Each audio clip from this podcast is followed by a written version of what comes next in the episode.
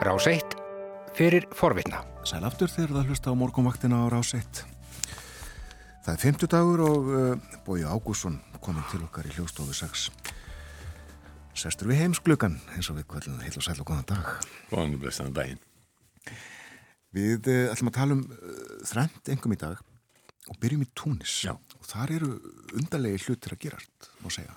Já, Túnis uh, eins og um, upplýstir hlustendur morgunvaktarinnar ef að lítið vita er um, tiltölulega lítið uh, Araparíki í uh, svona miður í norður Afríku á milli Líbi og Allsýr og um, þetta var einu sinni þeir lutu frökkum fram til 1956 og hafa verið sjálfstært uh, ríki síðan og þarna hófst því svo kallaða arabíska vor fyrir rúmum áratug síðan með uh, mótmælum og uppreist og Túnis hefur í raunni og já, það svo kallaða arabíska vor í sig svo kallaða vegna þess að menn vonuðist til þess að þetta væri upphaf líraði spiltingar í arabaheiminum. Það reyndist svo ekki vera. Uh, mótmælin afleggingan eru kannski skelveilegast að í Sýrlandi þar sem að borgarastrið hefur orðið 100.000 að bana og, og miljónir hafa rakist á flotta á efnahálar sem er í, í, í algjöru rúst. En líðraði helst í Túnis í eina Arabalandinu og það var litið til Túnisbúa sem ákveðinar fyrirmyndar. En e, því laug núna um helgina þegar að e, fórsetin Kais Said listi þingið frá störfum og er búin að lýsa í, í rauninni sko er þetta valdarán geta menn segja sumir upp á gamla mótan því að stjórnarskráin er klárlega brotinn þarna og fósittin tekur sér öll völd. Nú er það svo að þessi fósitti Kais Said var kjörin fyrir aðeins tveimur árum síðan og hann fekk 73% atkvæða og svo virðist segja ellendir fréttamissi þarna eru og fréttaskýrindur í Túnis sem að hann njóti enn mjög mikil stuðnings í Túnis. Hann var kjörin svo, hann, hafði enga politíska reynslu áður var, hafði verið professor í stjórnlagarétti og hann barðist eins og svo margir segjast gera gegn þeirri eilífu spillingu sem að hefur verið túnisbúum fjöturum fót í allir í tilrönd þeirra til þess að bæta samfélagi. Já, já það er slemt ástand í landinu en uh, margir stjórnmálamenn og embatsmenn gjörspiltir. Já, það er eiginlega, spilling hefur verið viðlóðandi í landinu eiginlega áratugum saman getur við sagt mm. og spillingin og óstjórnin skortur á þróun, framþróun voru ástæðunar upphaflu og bara almenn fátækt fyrir, já hvað getur við sagt, uppreysninni Mhm. fyrir rúmum áratug. En stjórnlega fræðiprofessorinn fyrirverandi, Kai Said, hann harneitar því að hér séum valdarann að ræða. Hann sagði þegar hann áarpaði túnni, já, hann talaði til, til þjóðarinnar af ríkistjórnafundi eða allavega með þeim sem að fengu að sitja áfram í, í, í ennbætti og barði í borð þegar hann lagði áherslu á það að hann sagði ég hef axlað söguleg ábyrð þeir sem að halda því fram að um valdarann sé að ræða verða að læra lögfræðina sína betur þetta er ekki valdarann, við skulum heyra í Kai Said فاليوم تحملت المسؤولية ونتحمل المسؤولية التاريخية ومن يدعي أن الأمر يتعلق بانقلاب فليراجع دروسه في القانون ما نشمل الانقلابيين Já, Já, heyrðum hann einmitt leggja áherslu á málsitt. já, hann gerði það Landi borðið. og um, já, þú ert nú að þekka þokkalega til þarna í, í Araba heiminum vera er eitthvað sem að þér finnst að svona aðskilji túnisbú eða kannski þessa, þessar þjóðir í norður Afríku þarna túnis og allsýr frá uh, öðrum arabum? Ég, það er þetta mikill munur þannig á þessum araba þjóðum sem að kannski er ekki alltaf í, í, í, í deglunni. Þetta eru ólíkar þjóðir með, með mjög ólíka sögu og saga túnis á síðustu árum sérstaklega hefur þetta verið uh, einstök. Þeir trátt fyrir að arabíska vorið hefur kannski ekki farið eins, eins uh, vel og fólk vonaðist til þá allavega stiftist túnis ekki niður í niður í stríð og, og viðlíka ófrið og, og lönd eins og Sýrland og, og Líbia Já. þannig að þeir, já svona þeim hefur verið hampað mikið vegna já, líðræðis hefðarinnar og, og, og, og þess en þetta gengið á, ímsu um leið. Mm. Uh, þarna meðal þeirra fréttamanna sem þarna eru núna að fylgjast með því sem er að gerast er Mikael S. Lund sem er mýðustulanda fréttaðarittari Danska Ríkisútarsist ég er uh, hann var spurður í fyrradag af hverju þessi líðræðis tilrönd hefði mistekist folk ikke fik opfyldt de løfter, de håb, de havde efter revolutionen. De ville gerne have et bedre liv, en bedre fremtid, mindre korruption, og faktisk så er det gået værre. Økonomien er værre end nogensinde. Alt er blevet dyrere, og korruption er her stadigvæk. De siger folk, at politikerne, de har i stedet, synes de, brugt deres tid på sådan politiske intriger og magtkampe i, i stedet for at, at rent faktisk fikse de alvorlige problemer, der er i Tunesien. Og Mikael S. Lund sagði þarna að fólk hefði gest sér vonir sem ekki voru uppfylltar eftir byltinguna. Um, fólk vildi betra líf, betri framtíð og minni spillingu en það hefur orðið öfugþróun. Efnahagurinn er verið en nokkur sinni. Allt er orðið dýrar og spillingin er enn til staðar. Almenningu segir að stjórnmálamennir hafi varið tíma sinum í pólitíska refskák og valdabarótti í stað þess að takast á við alvarlegu vandamál sem að túnist stendur frammefyrir og þetta e, vilist vera hverju orði sannara. E, og e, þarna er það sko í kostningunum það sem að Kai Said var kjörinn fórsiti að þá var þingeinni kjörið en það var enginn sem að fekk skýran meiri hluta eða umbúð til þess að mynda stjórn og uh, þetta hefur verið, eh, já það hafa verið held ég einar tíu stjórnir í Túnis á jafnmörgum árum. Þannig að þeim hefur ekki tekist að festa uh, svona ríkistjórn neina, uh, þeir hafa ekki fengið neitt neina festu. Og, og það er kannski eina af ástafunum fyrir því að ástandið er eins og það er og ekki hefur tekist að, að móta einhverja sérstaklega stefnu. Og sætt fósetti má kannski segja hans að grípa núna í einhvern neyðarhemil? Já og eins og ég sagði hann, það virðist sem að, að, að og það er náttúrulega mjög erfitt að meta en það virðist sem að meiri hluti þjóðarinnar styðji þessar aðgerðinars því að eh, allir voru búin að fá algjörlega upp í kók af uh, þessum hefðbunnu stjórnmálamönnum eh, Mikael S. Lund, danski frettamöðun, var, var, var spurðu líka hvort að, hvort að þetta þýtti endalók líðræðisins í eh, Tunis. Men jeg synes heller ikke, man skal lægge det, det, det tunesiske demokrati i graven endnu. Altså, der er øh, kræfter i øjeblikket, som, som maner til ro, som siger, lad os prøve at snakke om det, lad os sætte os ved et forhandlingsbord, i stedet for at det her ender i, i voldelige protester og gadeuroligheder.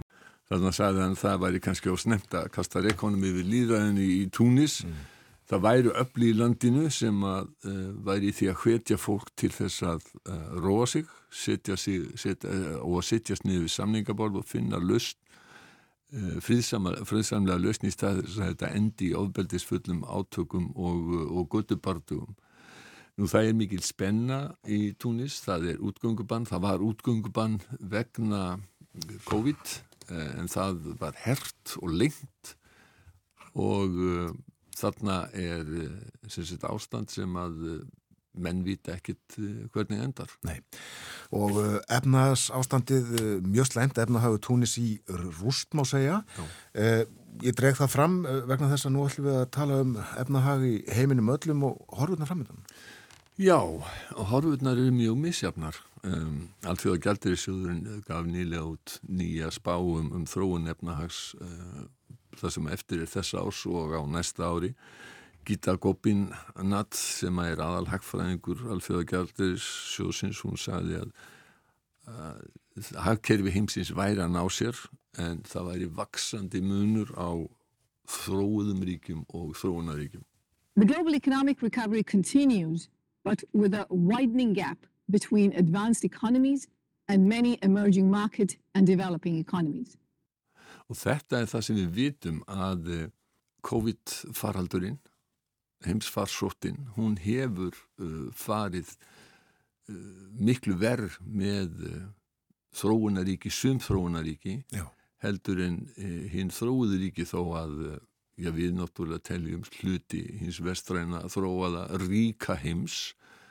Og auðvitað hafa verið efnahagsáföll á Íslandi um tíma mikið atvinnuleysi og það gildir um fleiri vestræn ríki en mörg þróunaríki hafa farið miklu verð út úr þessu heldur en, heldur en við.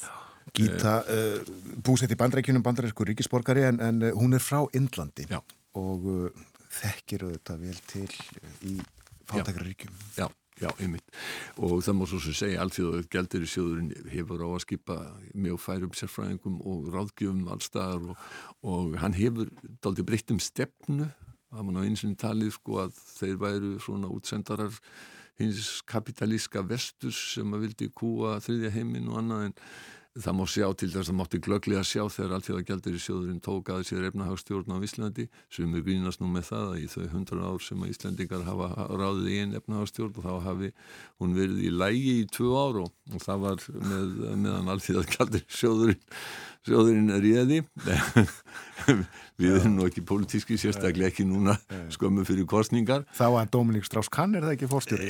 Jú, jú, jú, og það er nú margar, já, við skulum ekki, við hættum okkur ekki út í þetta fyrir en uh, Björn Þór, Nei. uh, en, en við skulum eh, frekar heyra í uh, Gítu Gópinat uh, það sem að hún sagði uh, um horfurnar í hafveistunum á næsta ári. For 2022, we project global growth of 4.9%, up from our previous forecast of 4.4%.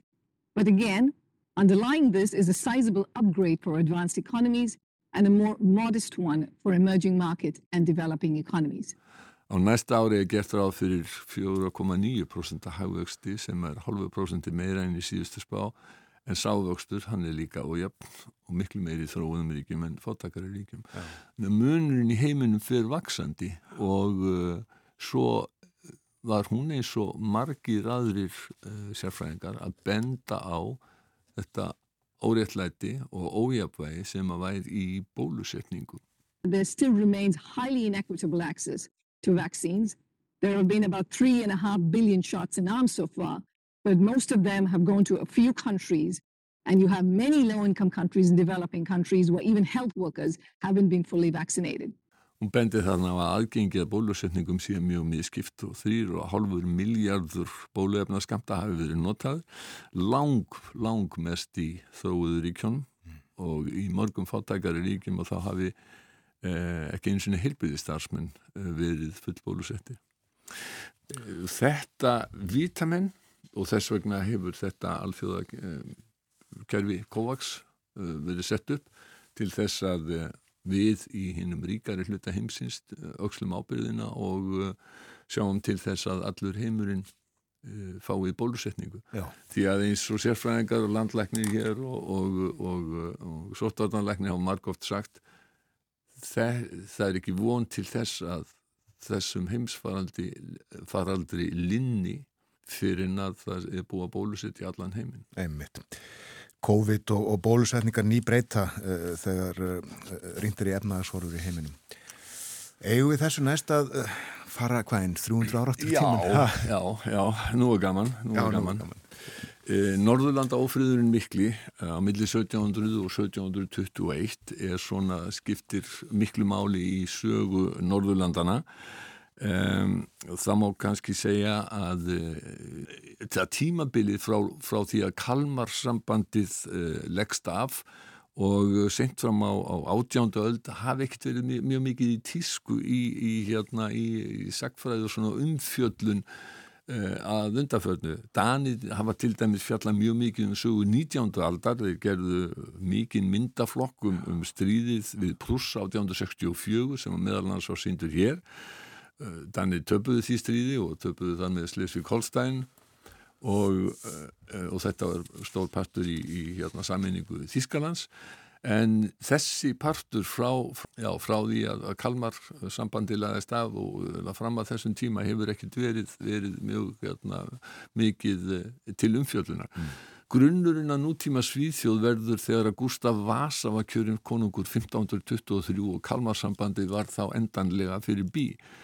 Þá og, og næstu aldir að þá var engin bróður kærleikur sem var ríkti með dönum og svíum Um, Danir voru upphaflega miklu öflúðra ríki en Svíjaríki eh, stækkar á, á 16. öld og Ísland fellur undir það 1560 framhaldinu þá eflaðir mjög veldi sitt við Ístarsalt og snemma á, á 17. öldinni að þá, þá eh, eru þeir í átökum við bæði Pólverja og Russa og, og fleiri og, og Dani og þeir eru að slást þarna alveg hægri vinstri.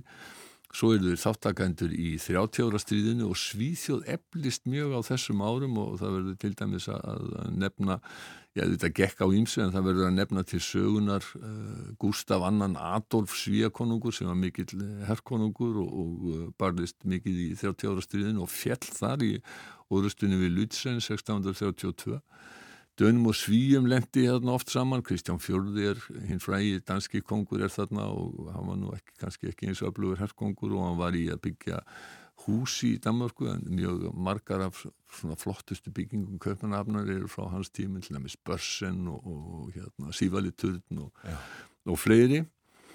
En eh, sko svíjarnir voru átnið miklu öflugri heldur en danir á, á landi og svo er komið um 1660 að, að svíjarnir er átnið langöflugast að ríki við, við Eistarsalti. Þeir ráða Finnlandi, þeir ráða Íslandi, hafa hyrt Skán, Halland og Blekingi af dönum og ráða stórum hlutum Pólans og Norður Þískalands og og hérna á hérðum í Nóri og aftur meðal annars nýlendu í, í Norður-Ameríku við Delaware, í Delaware í bandaríkjónum núna sem að hétt New Sweden kom einhverjum á orð þannig að Svíþjóði er mikið veldi á, á þessum tíma og þetta vex auðvitað öðrum í grönnum þeirra hérna í augum. Mm og það má svo sem segja að þeir hafi notað tækifærið þegar til valda kemur 15 ára konungur Karl XII 1697 minnum og þá sverjast eh, öll grannríkin í bandalag og hjóla í svíjana til þess að hyrða að þeim lönd.